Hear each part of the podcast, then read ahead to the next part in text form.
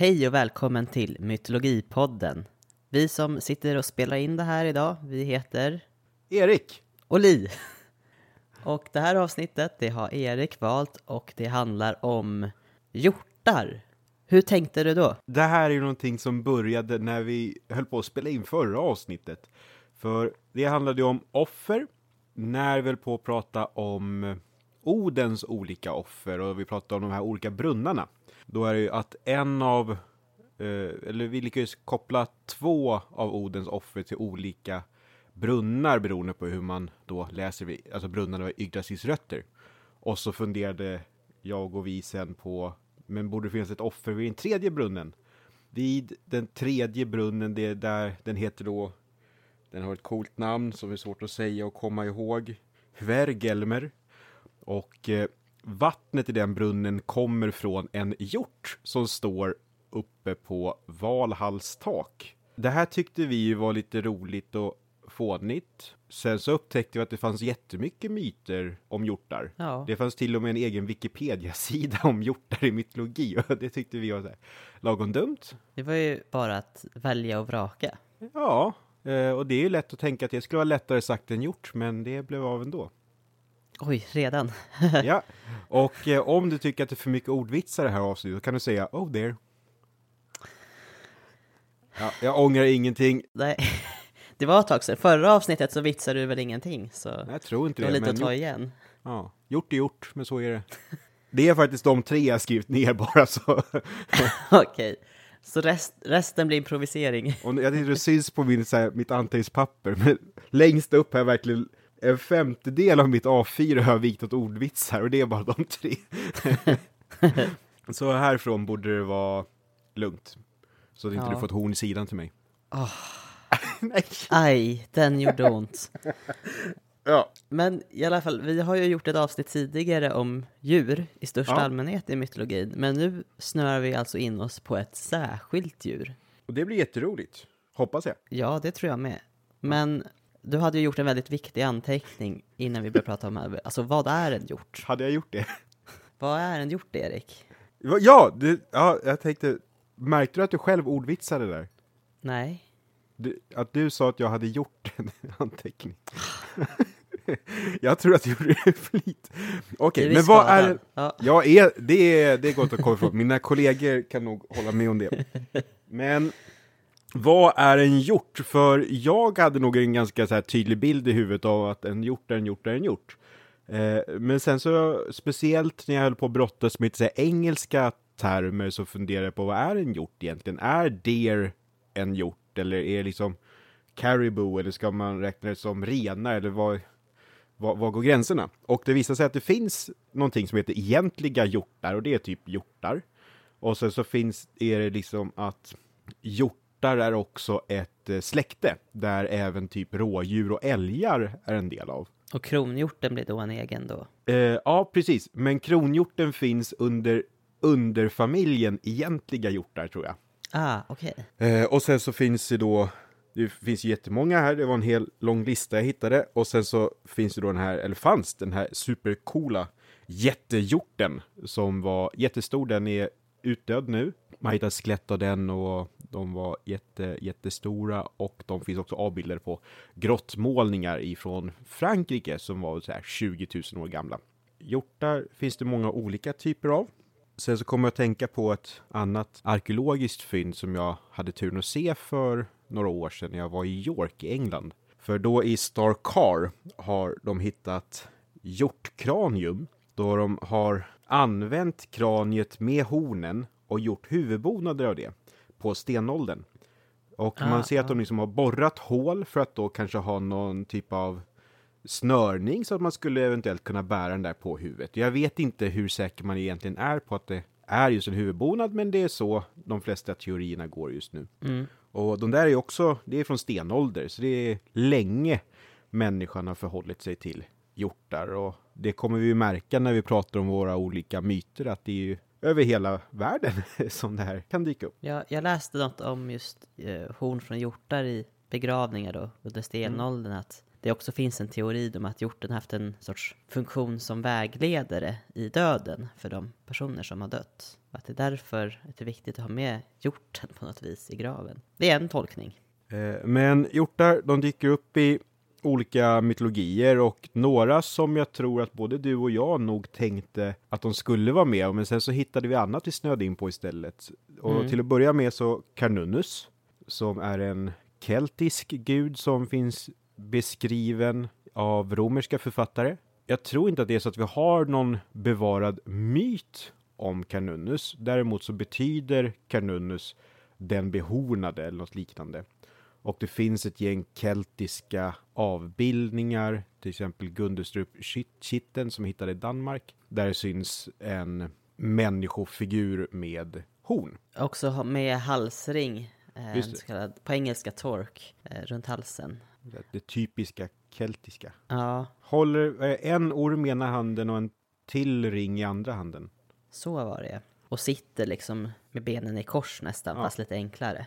På den här kitteln i alla fall. Och den kitteln är då hittad i Danmark, men den ska vara tillverkad i mer så här klassiskt eh, fastlandskeltiskt område, har jag förstått det som. Mm. Ja, jag tror det också. Den har jag sett på riktigt Har två du? gånger tror jag. Ja, Oj. Jag har väl sett den i Danmark en gång och sen så såg jag den på en utställning om kelter i Skottland. Tufft. Ja, Jag, jag har inte sett den. Det är många olika ansikten och gubbar på den där som förmodligen är någon sorts gudagestalter då. Men det kanske vi får prata om någon annan gång. Ja, ja men det känns som just eh, fastlandskelterna finns det mycket att rota i. Oh ja. Eh, och sen så har ju då Canunus, trots sitt magra mytutbud, så har han ju fått en stor roll i nutida syn på mytologi och kult och nyhedendom. Och i Vicka, som jag pratade, om i det här mamma-avsnittet, eller vad heter det? Modersgudinna-avsnittet kanske det heter.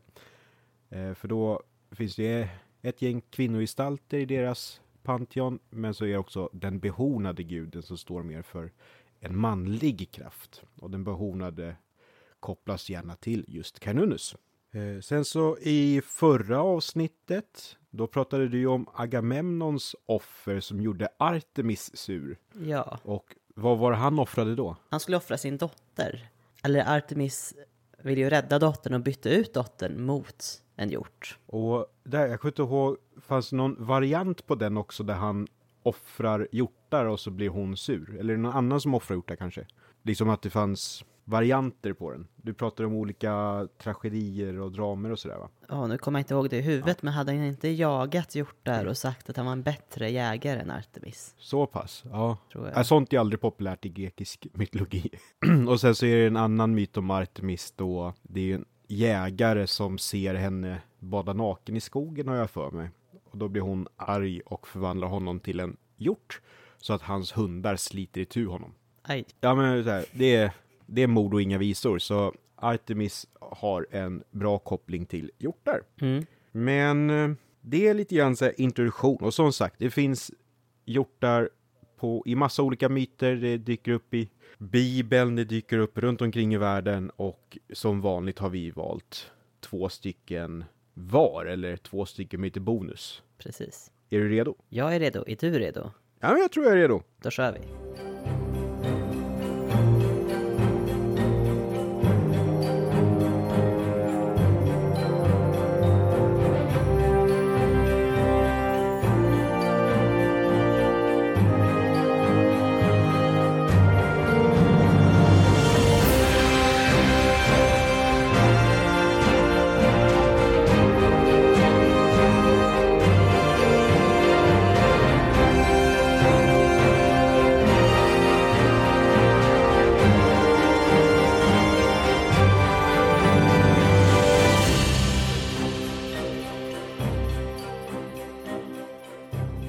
Så. Och då tänker jag, jag, alltså jag sätter igång med det som var själva grunden till idén till det här ämnet. Och det är då i Nordeuropa. Och bara för att återkoppla lite till då Odens offer så pratade jag om dels hur Oden offrar ett öga i Mimers brunn för att få mer kunskap. Och sen så hänger han sig själv i det vindomsusade trädet och får kunskapen om runorna. det pratade vi om, det, om det skulle vara så att det har en koppling till nornorna som ju också ristar runor och nornorna har en egen brunn och därför tänker vi att oh, Oden gör offer vid olika brunnar. Och sen så är det då, vad är det för tredje brunn som finns? Och det är då brunnen Vergelmer. Vergelmer är kanske mest känd för att det där drak, drakormen Nidhögg är bland Yggdrasils rötter och gnager. Så det är kanske mest destruktiva kraften. Men som jag sa här i inledningen att vattnet till Vergelmer, det kommer från den dagg som samlas i hjorten Eiktyners krona. Och Eiktyner eh, står på Valhalls tak. Så då verkar det som att Valhall, krigarnas sal, Odens sal, är byggd ovanför den tredje brunnen. Och då har liksom Oden plötsligt en koppling till alla tre brunnarna. I mitt huvud borde det komma ett tv-spel sen när man ska låsa upp alla de här brunnarna i någon typ av Odenspel. Vi får se, kom ihåg vad ni hörde det först. Men jag tänkte bara läsa då ur Eddan. Vi börjar som var på fornordiska och då är i Grimnismål, det är där Oden tillfångatas av en kung han har uppfostrat, men Oden är eh, maskerad så kungen vet inte att det är Oden som fångas och Oden torteras för att få ut kunskaper honom. Men då säger han i vers 26.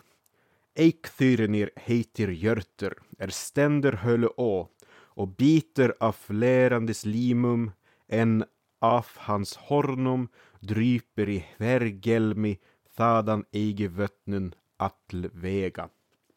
Och jag tänker att det blir bäst för alla om jag hoppar till Erik Braters översättning där. Och då är det att eh, hjorten Eiktyner heter, som på härfaders sal, står och gnager av lärads grenar. Från hans horn drypa droppar i värgelmer, därifrån alla vatten välla. Och den här hjorten gnager då på blad och får i sig näring via det. Och det är inte den enda hjorten som äter på blad som kopplas till träden runt Oden. Och då dyker det upp lite senare i samma Edda-dikt i och det är vers 33. Det tar jag på svenska från början för att korta ner lite. Men hjortar finnas och fyra med finböjda halsar som å trädet på grenarna gnaga Dain och Dvalin, Dun, Eir och Duratro. Så det finns fyra stycken hjortar till som äter på Yggdrasils blad. Och jag vet inte riktigt om de får någon vad ska jag säga, kosmologiskt viktig funktion med att de kopplas till världsträdet. Om, om man är någon som tycker om så här fantasyböcker och känner mig igen några av de där namnen, men det låter lite, det är ju inte du va, eller hur Li? Vilka sa det? Ljudet bröts lite, men alltså, vilka ja. var det? Dain och Dvalin. Ja. Så två av de här hjortarna har samma namn som dvärgar som Tolkien har använt sig av. Skriver om i, i The Hobbit. Ja, det är där de är med. De kanske inte är med i själva Sagan om ringen då. Dain Ironfoot och Dvalin som är en, en som är, dvärg som är med i kompaniet som ah.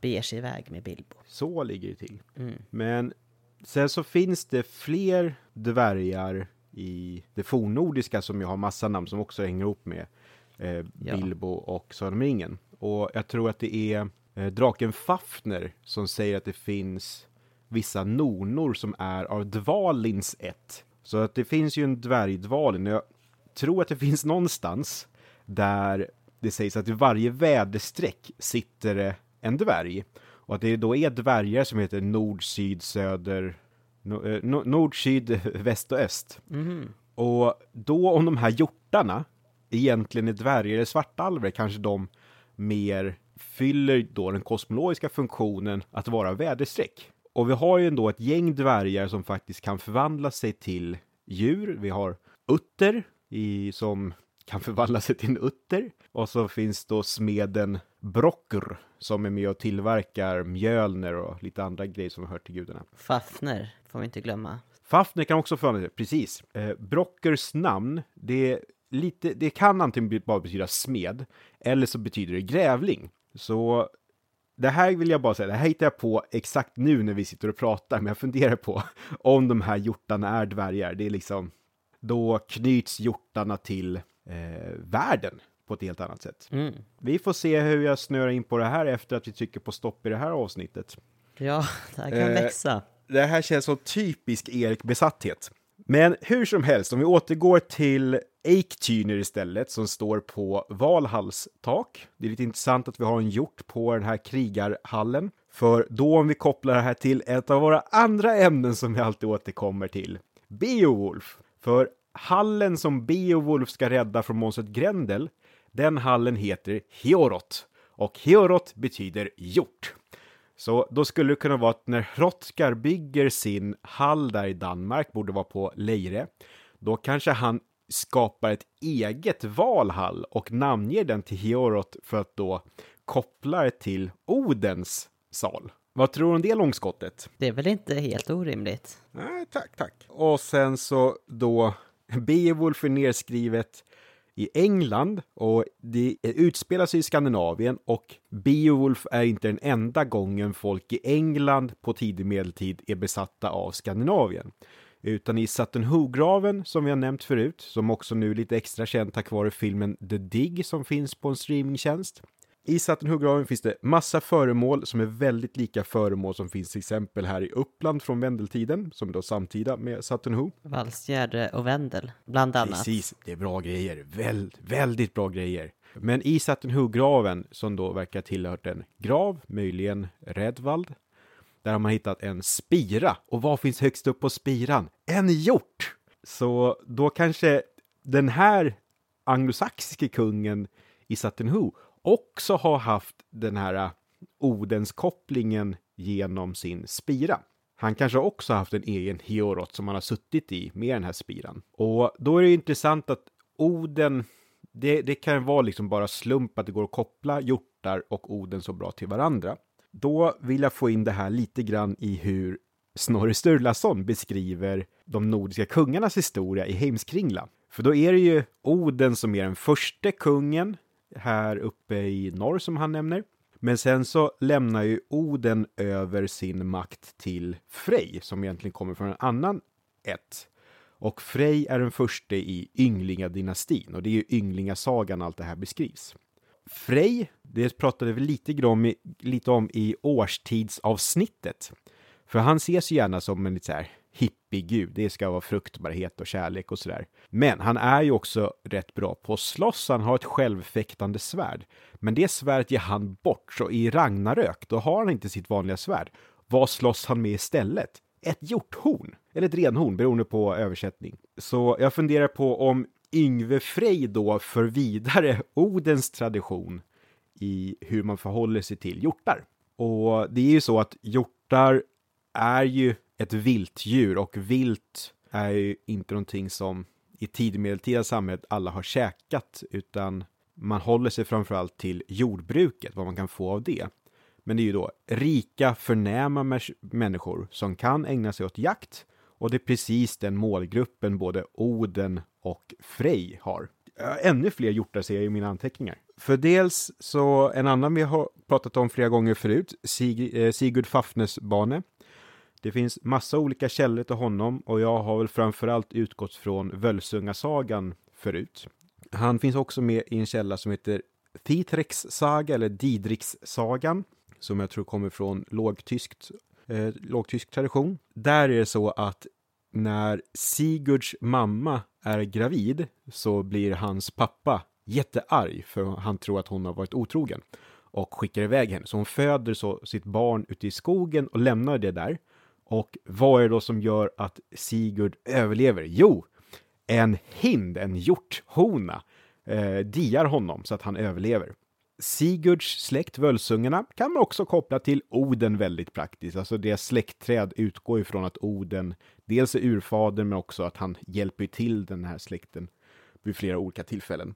Och sen så, när, nu, nu kommer vi till den delen då jag börjar ägna mig lite mer åt långa långskott eh, med hjortar i nordiska. Okej, kör. Tack. Då är det i Njals saga, eh, som är en av de isländska familjesagorna. Där finns det en karaktär som heter Hjort. Hjort, han utmärker sig i en strid för han har en hornbåge som gör att han fullkomligt äger fienden. För fienden springer emot Hjort och hans vänner, och hans bröder, för att döda dem. Men hjorts hornbåge kan skjuta mycket längre än vad fienden tänker sig. Så det skulle kunna vara en sån eh, kompositbåge som används kanske framförallt på stepperna där man just använder horn för att göra bågar. Att man har både trä eh, och horn och andra material för att göra det starkare och mer flexibelt. Så då har vi då en som heter hjort och är det slump att han har just en hornbåge? Kanske inte det. Men sen i modern tid så har arkeologer i det här området hittat lite gravar, alltså just det området där de har haft den här striden. Och vid en av gravarna har man hittat en ring. Och den här ringen är gjord av horn, den är för liten för att vara ett armband, lite stor för att vara en fingerring. Men inristad på den här ringen så finns det en hjort. Och då skulle det kunna vara så att det här faktiskt är en sån tumring som steppbågskyttar. Alltså är, en, är det en bild av en hjort inristad, Ja. eller namnet hjort? Eh, nej, det- är en bild på en hjort. Okej, Ja, i steppbågskytte, då är det inte nödvändigtvis så att man drar bågsträngen med fingrarna som man gör i västeuropeiskt bågskytte. Utan det är som att man har en tumring som fungerar lite grann som en avtryckare, ursäkta förenklingen. Det skulle då vara, kunna vara att hjort i den isländska sagan har haft en östeuropeisk pilbåge med östeuropeisk eller västasiatisk eh, tumringsfunktion som han då har ristat in en hjort på och nu har arkeologer kunnat hitta den på riktiga Island. Kan vara ett sammanträffande, men ändå lite spännande. Och nu till det sista långskottet vad gäller, vad gäller hjortdjur och vikingatiden och det fornnordiska.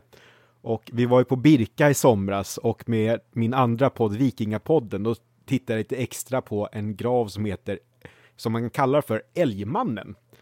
Och det är en ganska rik mansgrav och vid älgmannens huvud har legat ett älghorn. Och älghorn är liksom värdefullt. Det kan man göra kammar och allt möjligt av på den där tiden. Men att få ett helt älghorn i sin grav, det är mer sällsynt. Och då är det så här, ska man läsa in det här som att han var en kammakare eller handelsman eller fyller det här älghornet en annan typ av symbolism? Ingen aning. Men det jag såg på den här listan över hjortdjur, det är att älgar ingår i den familjen, så jag tyckte att han fick vara med här också. ja trevligt. Namedroppa älgmannen lite sådär. Ja.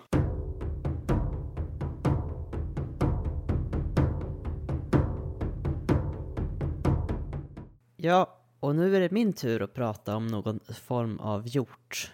Nu ska vi bege oss österut och prata om Buddha. Kring Buddha finns det någon sorts berättelser som kallas för Jataka-berättelser. Och de handlar om de tidigare liven som den som ska bli Buddha har levt. Alltså berättelser om Buddhas tidigare liv. Den person som i framtiden kommer bli Buddha, eller återfödas som Buddha, kallas för Bodhisattva. Yataka-berättelserna det är alltså att Buddhan berättar om sina tidigare liv av lite olika orsaker. Eh, orsaken kan bland annat vara att den som lyssnar ska få nå en djupare förståelse för de buddhistiska principerna och ibland kan de ju uppfattas som eh, skryt för att lyfta hur stor och fantastisk Buddha är. Ibland berättar Buddha om sina tidigare liv för att underhålla eller relatera till samtida händelser. I de här berättelserna så är han olika djur, människor och gudaväsen. Han kan vara en helt vanlig person eller ha olika superkrafter. Ofta är han berättelsens antagonist och hjälte, men han har ofta även en mindre karaktär som inte alls gör så mycket mer än att observera det som händer. Många av de här berättelserna är ganska roliga, och har någon fyndig twist. Ibland påminner de lite om fabler och har mycket gemensamt med olika universala folktroberättelser, alltså teman som man kan se över hela världen i olika folktroberättelser. Det är ofta ganska korta och har någon sorts moralisk värd, värderingsgrund hämtad från dharma. Och dharma är den buddhistiska läran då. Det är inte alltid som bodhisattvan, alltså buddhan, har varit helt from och god i berättelserna. Ibland är han re- reinkarnerad som en ondsint eller elak individ. Ett av syftena med de här Jataka-berättelserna är att visa den väldigt långa vägen till att bli Buddha. Berättelserna följer inte någon linjär tråd, det finns ingen inbördes ordning att man måste läsa den ena innan den andra. Och de berättas fortfarande under olika buddhistiska ceremonier och i tempel och även i olika bok och filmformat, bland annat för barn och berättelserna avbildas i olika tempelmålningar. De här Yataka-berättelsen, det är väldigt osäkert när de skapades. Forskare tror att vissa kan gå bak ända till 400-talet före vår tideräkning, men att de fick sin nuvarande form ungefär på 400-talet efter vår tideräkning. Eh, man tror att Buddha föddes på 500 eller 600-talet före år 0 och texterna sägs vara byggda kring Gata och Gata är Buddhas faktiska och egna ord. Alltså att Buddha själv har berättat berättelserna. Jag tänkte då berätta om när Buddha var, Bodhisattvan rättare sagt, en gång i tiden var en hjort. Den berättelsen har titeln Ruru Jataka. Jag tror Ruru är ett ord för hjort. En gång i tiden var Bodhisattva en gyllene perfekt hjort. Och en väldigt bortskämd rikemansson hade, som hade levt sitt liv med att festa och ha det allmänt roligt och bara roa sig. Han verkade inte ha några, ja, verkade inte ha behövt arbeta eller så så mycket. Han förlorade sina föräldrar som var eh, handelsmän om jag minns rätt, eller fadern var handelsman. Och när föräldrarna försvann så fortsatte han att umgås med olika fyllesvin och spelare och olika sorters löst folk och förlorade alla sina pengar och stod i stor skuld. Han hade så stor skuld att han inte kunde betala tillbaka några av pengarna och beslutade att ta livet av sig. De som han lånat pengar av, han tog med dem till Gangesfloden och berättade att Nej, men här har jag grävt ner familjens förmögenhet så låt mig bara gå och leta efter det så ska ni få tillbaks pengar. Det är under den här förevändningen han ska leta efter gömstället så slänger han sig i floden och fördes bort av strömmarna. Bodhisattvan då är i form av en, den här fantastiska gyllene hjorten hörde mannens skrik när han förs iväg av strömmarna och simmar ut och räddar rikemanssonen. Mannen stannar med hjorten ett par dagar och när han ska återvända till staden så lovar han hjorten att inte berätta om honom för någon alls. Hjorten skulle få fortsätta leva i hemlighet. Men det som händer då att natten före att när mannen ska återvända till staden så drömmer den eh, lokala drottningen att en gyllene hjort predikar för henne. Som säger till kungen att hon måste få lyssna till en gyllene hjort som predikar. Och kungens rådgivare menar att gyllene hjortar faktiskt existerar och kungen sänder ut ett meddelande i staden att den som kan leda dem till en gyllene hjort skulle få 1000 mynt, ett guldskrin, en elefant, vackra kvinnor och en hel by som belöning. Så när den här bortskämda skuldsatta mannen hör det här när han kommer tillbaka till staden så tvekar han inte en sekund att berätta för den här budbäraren som sen levererar ut det här meddelandet att han nog visste var en gyllene hjort fanns. Så tillsammans med kungen och kungens armé vägleder han dem till hjorten. Direkt när de kommer fram då så identifierar hjorten den här kungen när de närmar sig och springer rakt mot kungen och innan kungen hinner avfyra sin pilbåge så säger hjorten Stå still, snälla skada mig inte. Och eh, kungen och hans armé blir helt förtrollade av hjortens röst och alla släpper sina vapen. Hjorten går fram till kungen och pratar med honom och frågar vem, vem har avslöjat han, var de kunde hitta honom? Och kungen pekar ju då ut den här rikemanssonen. Och bodhisattvan, hjorten alltså, tillrättavisar den förrädiske mannen och säger att det hade varit mycket bättre att rädda en stock än just den mannen. Och kungen själv var ju då beredd att avrätta mannen, men bodhisattvan ville inte att han skulle bli dödad och kungen lät ändå mannen få sin belöning. Sen följer hjorten faktiskt med till palatset och predikar för drottningen och hela hovet. Och kungen erbjöd hjorten en önskan som de skulle följa. Och eh, Bodhisattvan bad dem att sluta döda alla levande djur och det här går kungen med på och beordrar alla sina undersåtar att skydda alla djur. Så eh, folket vågar inte skada några djur eller fåglar och konsekvensen av det är ju att hjortar som inte längre behöver vara rädda för människor börjar äta av folkets odlade grödor. Folket börjar ju då klaga hos kungen eftersom de inte får tillgång till lika mycket mat som vanligt. Men kungen vägrar backa på det här löftet till hjorten, även om eh, folket nog hade kunnat avsätta honom från tronen. Bodhisattvan i form av den här gyllene hjorten hör om folkets problem och beordrar då alla hjortar att sluta äta av de här odlade grödorna. Och säger också till människorna att ni får sätta upp skyltar så hjortarna vet var de inte får gå och äta någonstans. ända sedan dess så äter inte hjortar av människors grödor, helt enkelt. Intressant.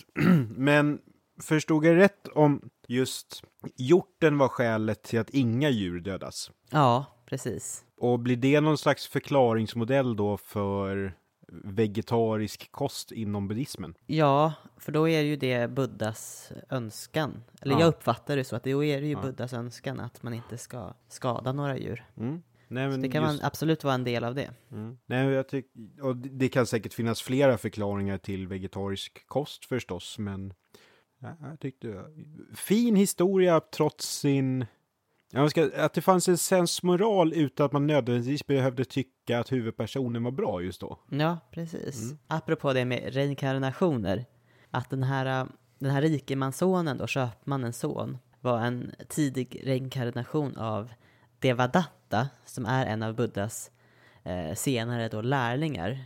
Men som blir en, alltså jag hade ju ingen aning om att Buddha har en nemesis. Men tydligen har han en nemesis i den här Devadatta och den här rikemanssonen var en tidig version av honom. Så det här är absolut inte första gången som, som han blir förrådd. Det är som Cloud Atlas det här. Folk som möts om och om igen. Ja, så Buddha berättar ju den här berättelsen för sin andra lärling, det är att Devadatta liksom varit otacksam i tidigare liv, när, Okej. till och med även när Buddha räddat hans liv. Ja. Ja, och den här kungen då som verkligen står upp för, eh, för bodhisattvan och hjorten eh, var en tidigare reinkarnation av Ananda som är en annan av Buddhas lärlingar och hans då främsta lärling. Så att Buddha och hans Eh, En sak där med har... kungen, det kan vara, vi har lite mottagningsproblem. Mm, Nej men att eh, kungen där, för han ville att hjorten skulle komma hem och predika för hans fru, eller hur? ja, ja. Men han tänkte ändå skjuta hjorten. Ja, innan han hann träffa hjorten. Sen när hjorten väl pratade med honom så... Jaha, så var det var så innan han förstod vad det- okej. Eh, så att det var nog liksom bara, oj, hjorten attackerar, jag ska skjuta. Men det han, han är inte. Och sen var det bara, okej, nej, det här är ingen som ska dödas. Det här är en, det här är en, en rekohjort, eller vad man ska säga.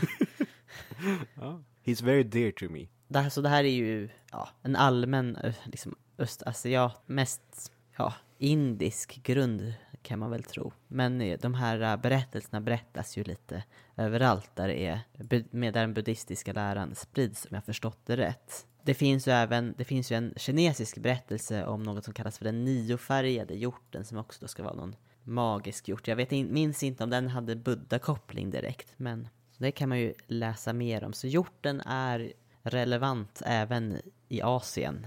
Hmm. Och det finns ju jättemånga sådana här äh, jataka-berättelser. Jag kommer lägga in en, en länk. Det är en äh, bok som jag hittat en öppen pdf för med en brittiska översättningar från, ja, som har hundra år på nacken, men det är ganska korta berättelser. Så att äh, om man vill läsa fler om Buddhas tidigare liv, du lägger det på hemsidan under vår biblioteksflik. Det var, ja, jag hade inte så mycket mer om det. Eh, Är det här första gången vi pratar om Buddha? Vi, när vi pratade om Sun Wukong så var Buddha med lite. Ja, då var Buddha med ja. Mer Buddha måste vi väl ta upp. Mm. Inte nästa avsnitt, men sen någon gång framöver. Ska vi ta en eh, paus från hjortarna och Mm. se vad vi kan luska ut vad våra lyssnare har för olika funderingar?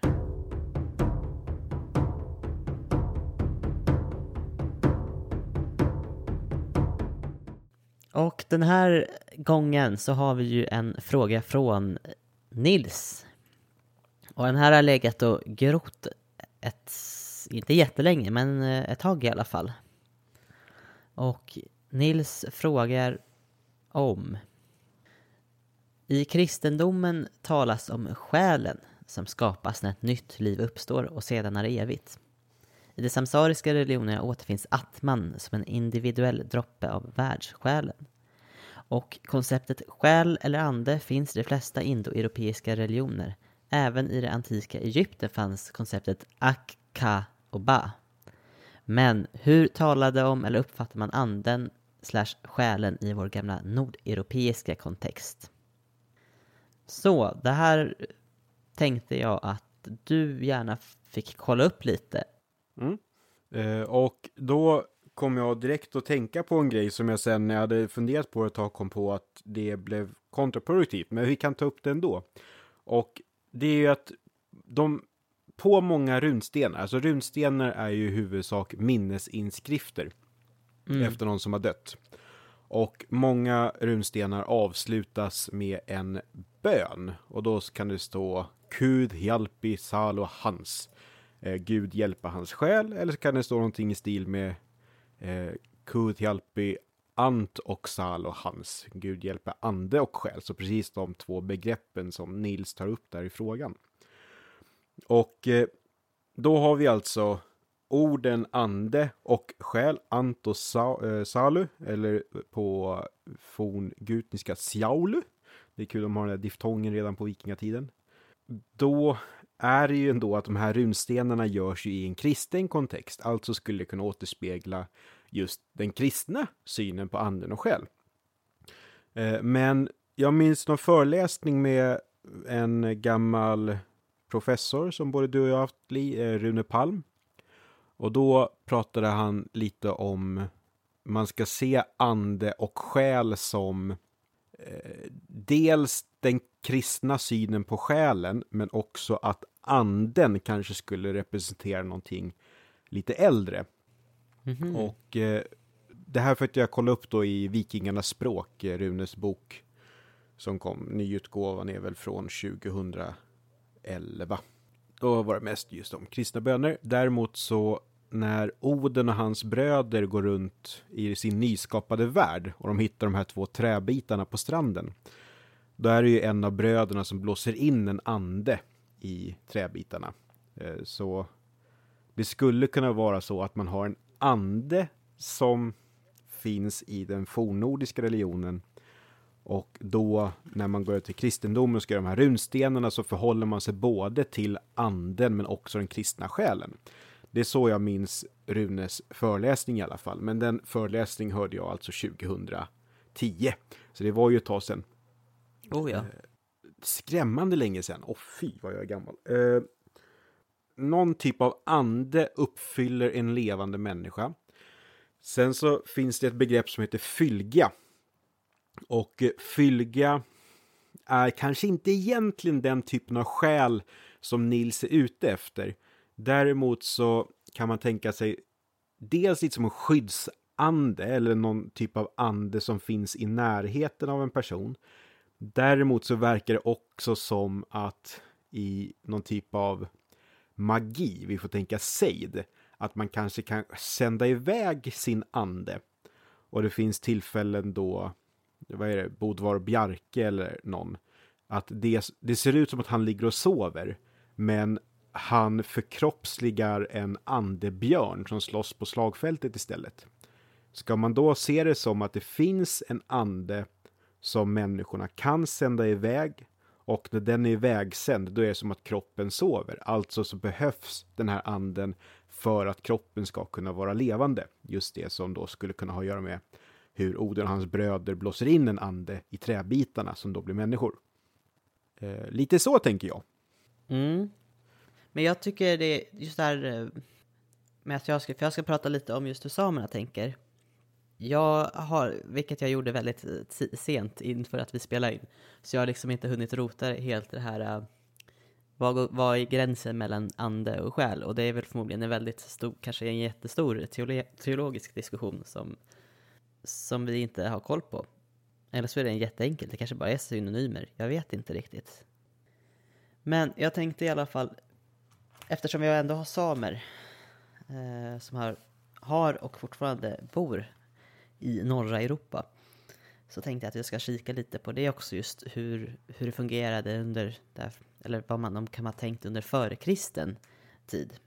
För den samiska tron och religionen har ju såklart påverkats, påverkats av kristendomens eh, intåg. Det är ju då en animistisk världssyn. Just själva ordet animism är ju från det latinska ordet anima som översätts typ som ande. Inom animistiska trosystem, eller vad man ska säga, trosystem är fel ord. Vad säger man? Animistiska perspektiv på världen så, så är ofta världen indelad i en materiell, världslig värld och en andevärld som ibland är synonymt med liksom, eh, eh efterlivet på något vis. Och en person kan ha en eller flera andar eller eh, själar. Och de kan ju leva samtidigt i de här olika världarna faktiskt. Och efter döden så eh, finns ju anden bara i efter eller andevärlden då. Men världarna kan ju fortfarande påverka varandra så ibland ser man ju som att det är också är en värld, eller som att det är överlappande världar. Det, det man tänkte då var ju att allt som lever i naturen har en själ. Eh, hur är det liksom kristendomen kanske drar lite med att bara människan har en själ. Ja, och sam, samerna utförde olika ritualer då för att gynna samspelet mellan natur och människan. Eh, till exempel så ansåg man ju att björnen var besjälad av ett väldigt särskilt mäktigt andeväsen och det var väldigt viktigt att hålla sig väl med det andeväsenet. Och efter exempelvis björnjakter och så vidare så gjord, utförde man olika begravningsriter just för att göra björnanden nöjd. För var han inte nöjd så skulle han ju störa dem från efterlivet.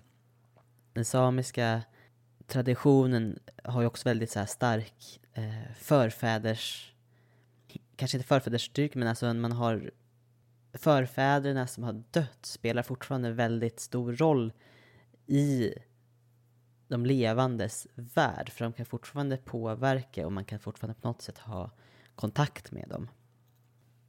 Så man hade också en, att det fanns en skapargud som hade också skapat människans själ, eh, en sorts högre gud som kallas för den rådande eller den rådande fadern och där namnet på den här fadern kan variera väldigt mycket. Eh, men det rådaren gjorde, eller att han gav en sorts makt till sin son att skapa en själ. Och den överlämnades till då urmoden som skapade en kropp kring själen. Så själen och kroppen har ju en koppling och sen så kopplas ju själen bort från kroppen när kroppen väl dör, men själen fortsätter ju finnas.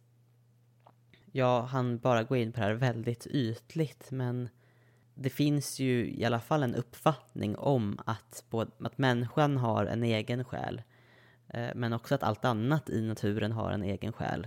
Och att själen fortsätter finnas i en andevärld och den här andevärlden kan man ju också ha kontakt med i det verkliga livet genom att, ja men olika ritualer där man eh, går in i trans och så vidare. Ja, och med risk för att låta väldigt så här äh, västerländsk och exotifierande över minoritetsgruppers religion och andlighet. Men just det där att fler saker än bara människan får ha en ande. Att det är både människan, det är djuren, men också som du säger, det, det är runt omkring. Mm. Att det känns som att det är en bra grund för respekt. Ja, verkligen. Och jag funderar på hur stor... Hur, kan det ha också funnits i det som vi kallar det fornnordiska? De människor som lever här uppe som mm. då inte är samer, hade de liksom lite samma... För det framgår ju inte mycket i de kanske källor vi har som är nedskrivna av kristna personer. Nej, nej men för... Nej, jag, jag, det känns som att jag hade en diskussion på jobbet för ett tag sedan just om naturen, en, en natur med ande. Mm. Jag tänker just nu, eftersom du har tagit upp älgmannen, jag menar ja. det arkeologiska kan ju kanske...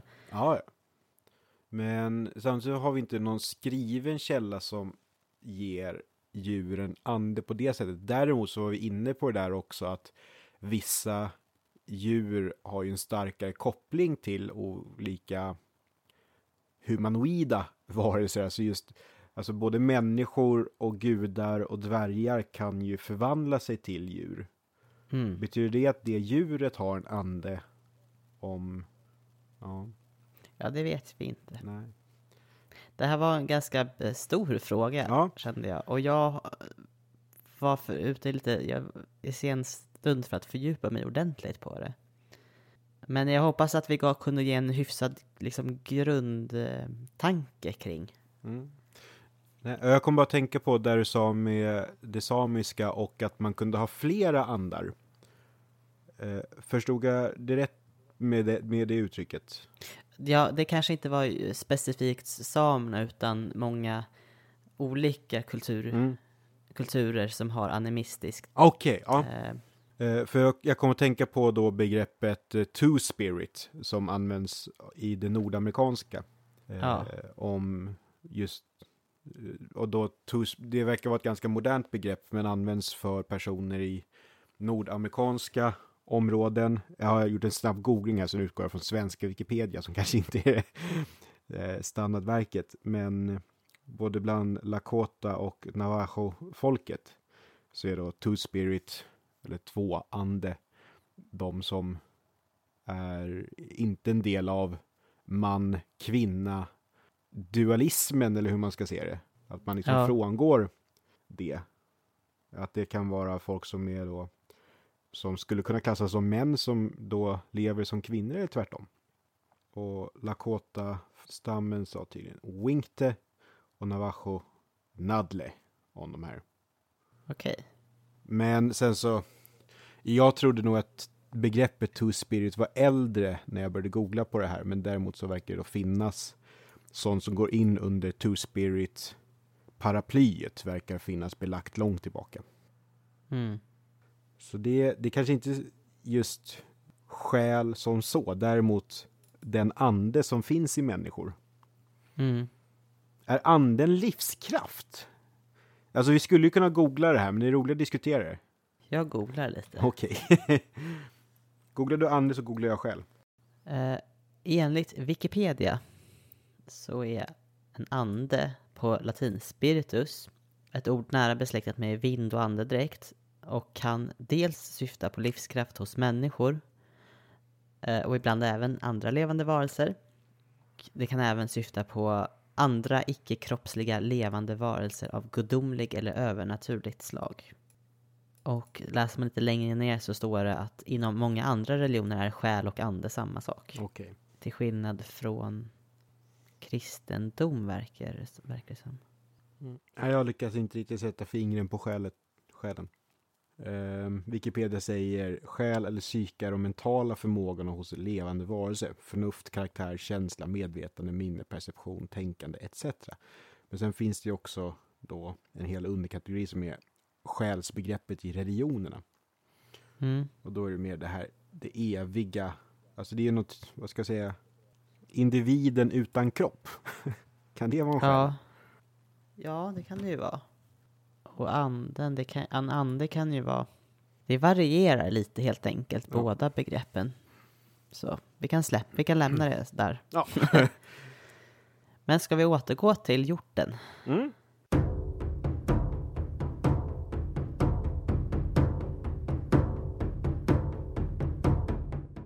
Men Erik, Ja.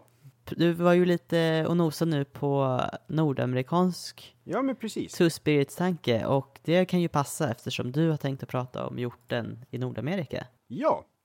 Och eh, Nordamerika är ju jättestort så det finns ju flera typer av hjortar där. Men jag fastnade för eh, det engelska begreppet deer woman, hjortkvinnan. Det är då någonting som dyker upp hos olika grupper i Nordamerika och det verkar vara alltså plains och woodlands, det är prärien och skogsmarkerna i centrala och norra USA, Kanada typ tänker jag Mm. dyker upp i Oklahoma och sådär. Det fanns lite här häftiga eller intressanta ord som användes för vad Dear Woman är för någonting. För jag får känslan att det är lite grann som vad vi i Skandinavien kanske skulle kalla för skogsrå eller en rådare. Ja, okej, ja. Ett sorts, skydds, ett sorts skyddsväsen. Typ, Eller? men kanske inte liksom så skogsorienterad. Men däremot är det en person som finns i vildmarken som verkar kunna se ut som en kvinna eller som en hjort eller som en hjortkvinna. Och då är det att nedre delen av kroppen är som en hjort och övre delen av kroppen är som en kvinna. Så kanske mer, vad heter, Som en kentaur. ja fast vad heter den med bara två bakben, alltså lite så här panaktig. Ah, ja okej. Eller det kanske är att den har fyra hjortben, det har jag inte satt mig in i. Det var väl så jag tänkte mig. Men eh, det här verkar då vara en del av ett större paraplybegrepp. Så det, det är inte att Dear Woman eller hjortkvinnan är en gud, utan det är mer en typ av ande. Okej. Och eh, Cherokee-folket eh, kallar de här varelserna för Nunehi. Och det, är de, det betyder det folk som bor överallt. Och det tänker jag lite grann, ja, men som man kan se vissa oknytt här i Skandinavien också. Cherokee kan också säga Ani Junwitsandsdi. Och det betyder tydligen bokstavligt talat små människor. Och eh, på den här hemsidan jag är inne, det är Pioneer Woman Museum i USA. Att de jämför det här med älvor och fier i europeisk folktro. Men det jag lyckas förstå om hjortkvinnan det är att det finns väldigt olika traditioner. Precis som det kan vara med till exempel skogsrået. Eh, skogsrået i Skandinavien kan ju vara antingen jättesnygg ung människa eller lite så här läskig trollpacka så jag får känslan av. Beroende på var man är i Skandinavien och kanske vilken typ av berättartradition och sådär.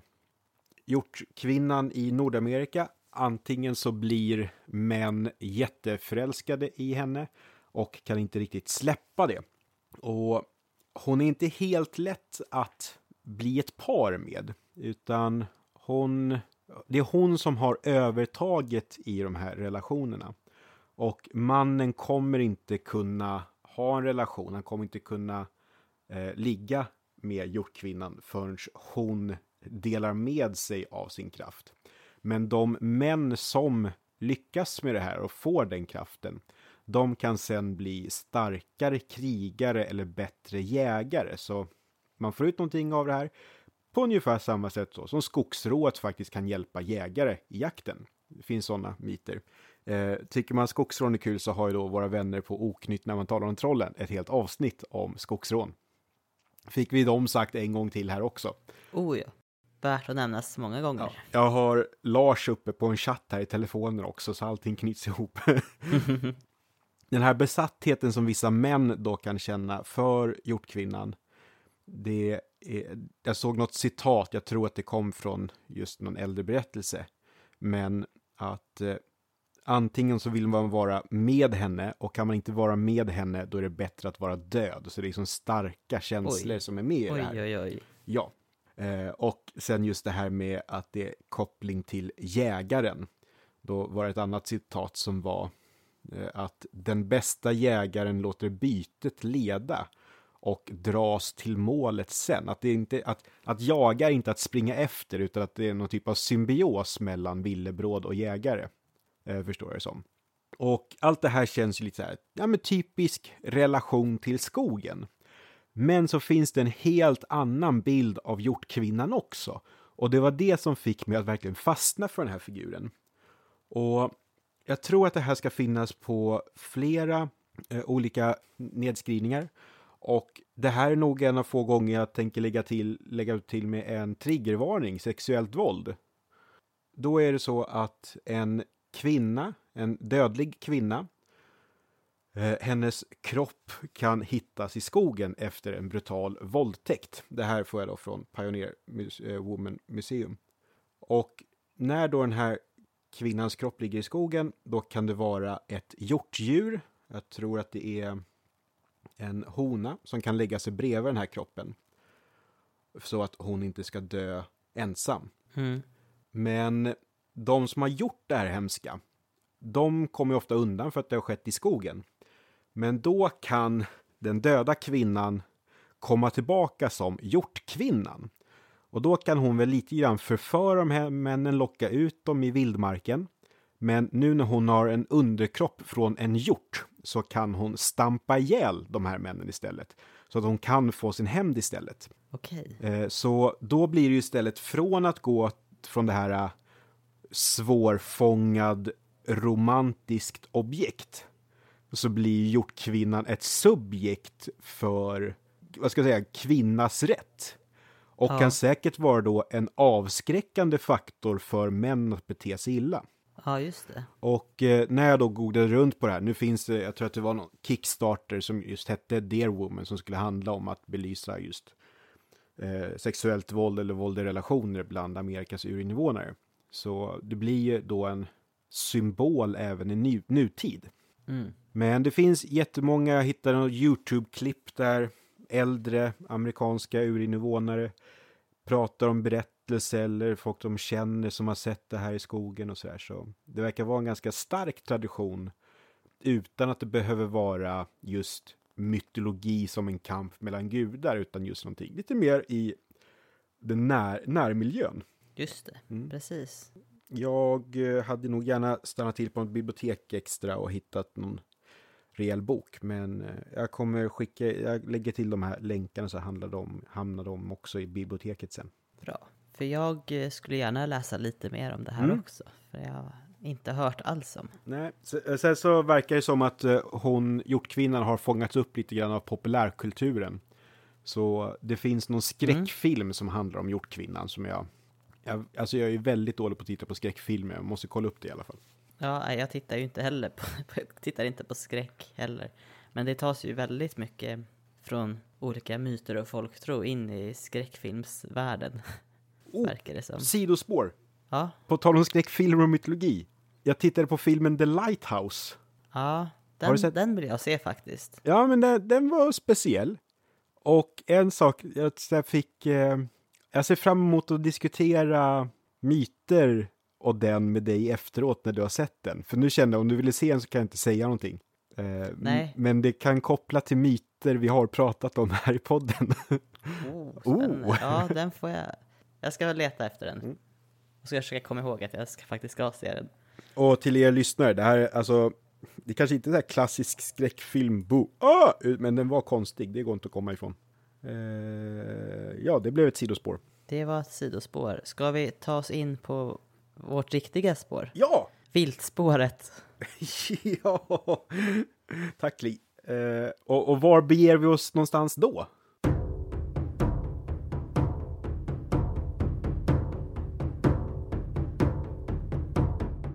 Då ska vi bege oss österut, men inte lika långt österut som vi var innan. Vi ska till stäpperna som finns i Östeuropa och i Asien. För sådär lite över 2000 år sedan så levde olika grupper av människor där med nomadisk livsstil och de har ofta kallats för skyter. Åtminstone eh, vissa grupp av skryter hade ett iranskt ursprung och de rörde sig över ett mycket stort område och hade kulturella utbyten med väldigt många kulturer runt det här stora steppområdet. Både liksom från de gamla grekerna till kineserna. De lever ju då mycket ett, liksom på hästryggen då med pilbågen som vapen och en väldigt kännetecknande attribut de har då under just den tiden då de lever är att de har på sig byxor och det är ju för att de är ett ridande folk. Och de både de plundrar och lägger sig i olika för konflikter för där det är krig, där finns det ju väldigt mycket att hämta och då kan de både kriga på de olika sidorna beroende på vad som passar dem bäst för tillfället. Tyngdpunkten då där med skryterna var under 6 till 200-talet före vår tideräkning. Och det finns lite samtida källor om skyter och då bland annat mest känd är då Herodotos, en grekisk historiker som besökte skyterna som levde vid Svarta havet. Men det finns även lite äldre texter, eh, akadiska, som är äldre än då Herodotos. Och jag tänkte inte prata så mycket mer om skyterna ur deras, och deras historia, utan jag tänkte tipsa er och kolla på föreläsningar med eh, arkeologen Barry Cunliffe eh, som finns på Youtube och de länkarna lägger vi i biblioteket. Eh, den ena är väl cirka 40 minuter, den andra är en och en halv timme. Väldigt ute, han har ju skrivit liksom böcker om skyterna.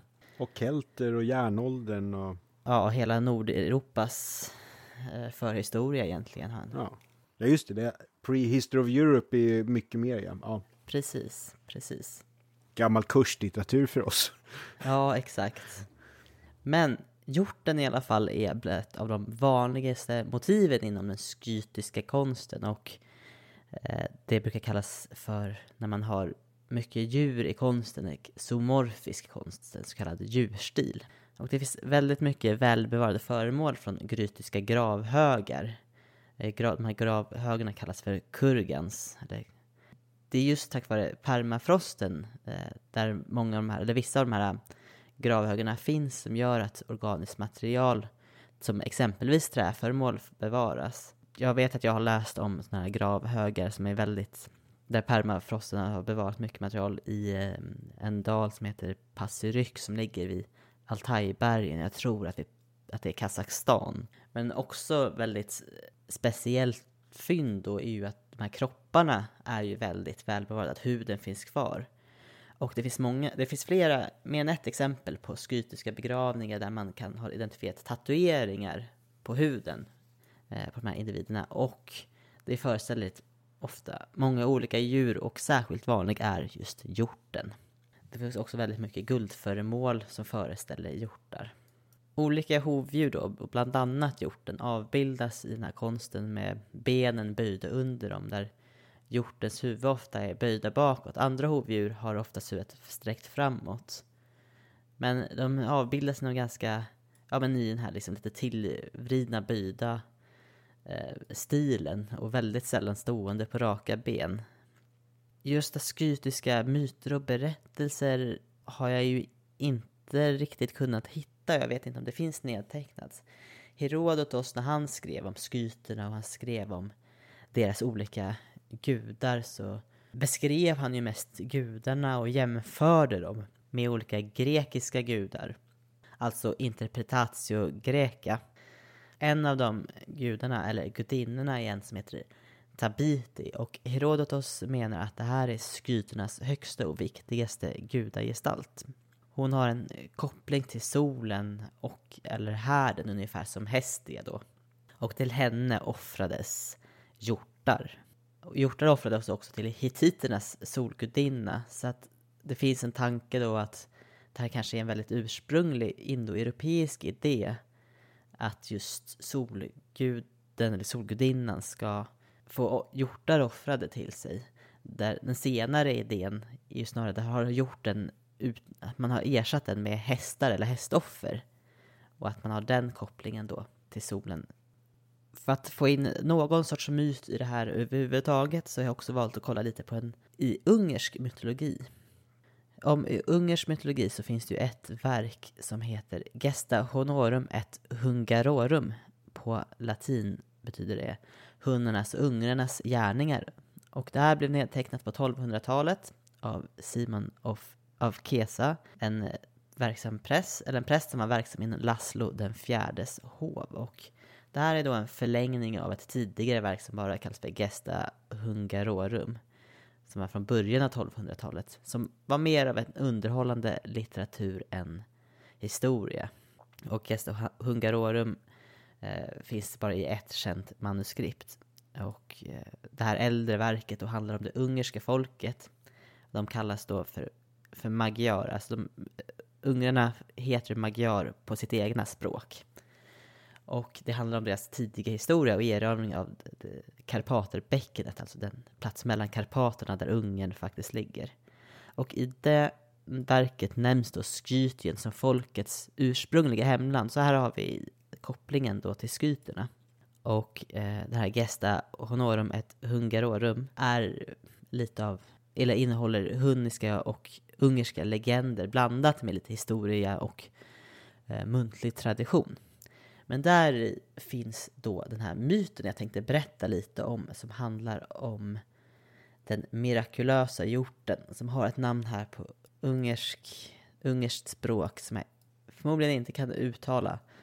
Soda Sarvas. Den eh, berättelsen handlar i alla fall om två bröder som kallas, eller för he som heter Hunor och Magor. Och de är söner till jätten Menrot och den här jätten Menrot har delvis identifierats som Nimrod och Nimrod är alltså Noas barnbarns barn. Och Nimrod var kung i Shinar i Mesopotamien. Så det här är då, får man säga, två mesopotamiska prinsar då. Och en dag är de ute på jakt och får syn på en vit och ibland beskrivs det som en gyllene hjort som de följer efter för att jaga. Och den undgår dem hela tiden och de följer efter den här hjorten länge, länge tills de kommer fram till ett frodande land. Där bosätter sig så småningom med sitt folk och landet är Skytien. Eh, lite grovt så är det då norr om Svarta havet och fram till Främje Orienten. Hunor, hans ättlingar, de blev så småningom hunnerna och Magors ättlingar blev så småningom Magyar, alltså det ungerska folket. Och de erövrar då fler länder. Den här myten pekar ju inte bara då på ett släktskap mellan ungrar och hunner utan också att de har en gemensam då koppling till skyter och sumeriska folkslag. Och hunnerna är väl också ganska kända för att vara ett bridet folkslag. Jag kan väl bara utgå från att ungrarna också är det. Ja, alltså jag tänker på en ungersk pilbågetyp är en ryttarbåge, så det känns rimligt. Då Alltså, stämmer det. Det är går konstig genväg in att tänka så, men ja. För jag har en Ja. ungersk båge och det är en ryttarbåge. Ja, men då funkar det. ja. För övrigt typ den typen av båge som hjort hade där på Island. Ja, vad det jag tänkte på att det Ja. kan kanske har varit det när jag läste lite om, eller när jag har lyssnat på de här föreläsningarna om bågarna så var, var de ju inte tillverkade i ett stycke om jag förstod det, utan sammansatta. Mm. Eh, men i den ungerska mytologin och även då i sumerisk och skytisk om man jämför så ses ju då hjorten som en mystisk varelse med magiska krafter. Och i, som jag såg i den här berättelsen då så hade den ju också rollen av att på något sätt framföra gudarnas vilja och guida människorna därefter. Så i det här fallet så guidade hjorten eh, de här bröderna till det här landet där de skulle bosätta sig sen. Eh, Det framgick ju inte ifall de faktiskt eh, dödade den här hjorten men jag uppfattade det inte så i alla fall. Vi hoppas att de betedde sig. Så hjorten är ju superviktig för det här berina folket som man då får utgå från har Ja men att, att jakten är, är viktig och, och vilda, olika vilda djur. Ja, det var det jag hade. Coolt! Eh, alltså, jag blev så glad att du kom in... Oj, nu slog jag till mikrofonen. Whoops. Nu, så. Jag blev så glad att du kom in på hunden också. Ja, Eh, hunden är ju supertufft och så går det att veta så jättelite om dem. Det är ju Attila hunden som bråkar med Rom och sådär. ja, Och eh, att, att, att vi liksom... Ja men de var ju en supermakt. Men vi kan ändå inte veta så mycket om just vad de tyckte och tänkte och trodde på. Så det här var Nej. fi- bra sätt att komma in på vad man skulle kunna tänka sig och vad man ändå kan knyta ihop. Men nu är liksom, mycket av det jag pratar om nu är ju, mm, ja, det är ju myter. Så att det är ju svårt att dra likhetstecken här mellan vad som är historia och vad som är eh, tankar om sin, säga, historia. Men eh, jag rekommenderar verkligen att titta på de här föreläsningarna om skyterna. Bra tips. Och det var det vi hade för idag.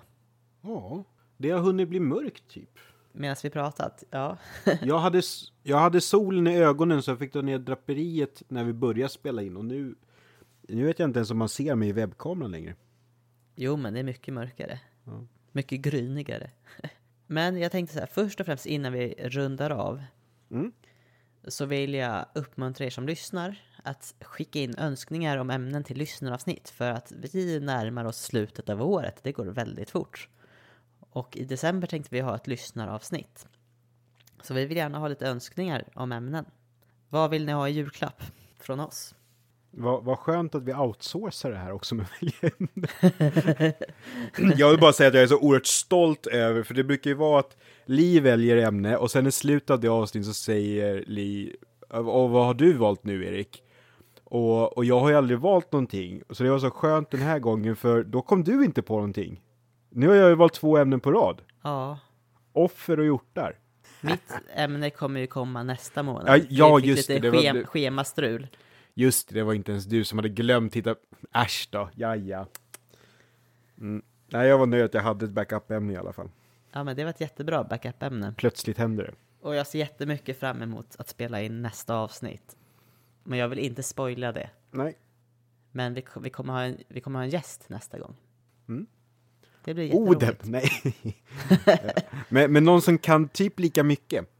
Ja, jag kommer vara tvungen att sitta, det är inte en chans att jag kommer orka sätta mig in i hela materialet, men jag kommer titta mycket på YouTube kan jag säga.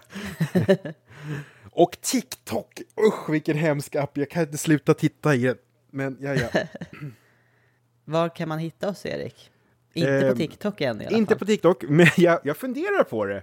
Om, ni, om någon som lyssnar har någon så tanke om vad vi skulle hitta på på TikTok så skriv gärna in ett förslag.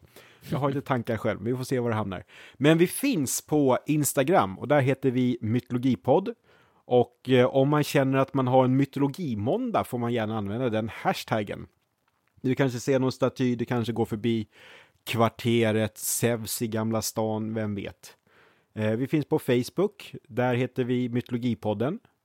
Eh, och eh, om man går in på Birka Vikingastadens Facebook-sida, då kan man faktiskt se ett filmklipp på när vi pratar om mytologi på Birka också. Eh, om man är Facebook-användare. Sen så har vi en hemsida, mytologipodden.com. Jag säger co.uk. Nej, det var det inte.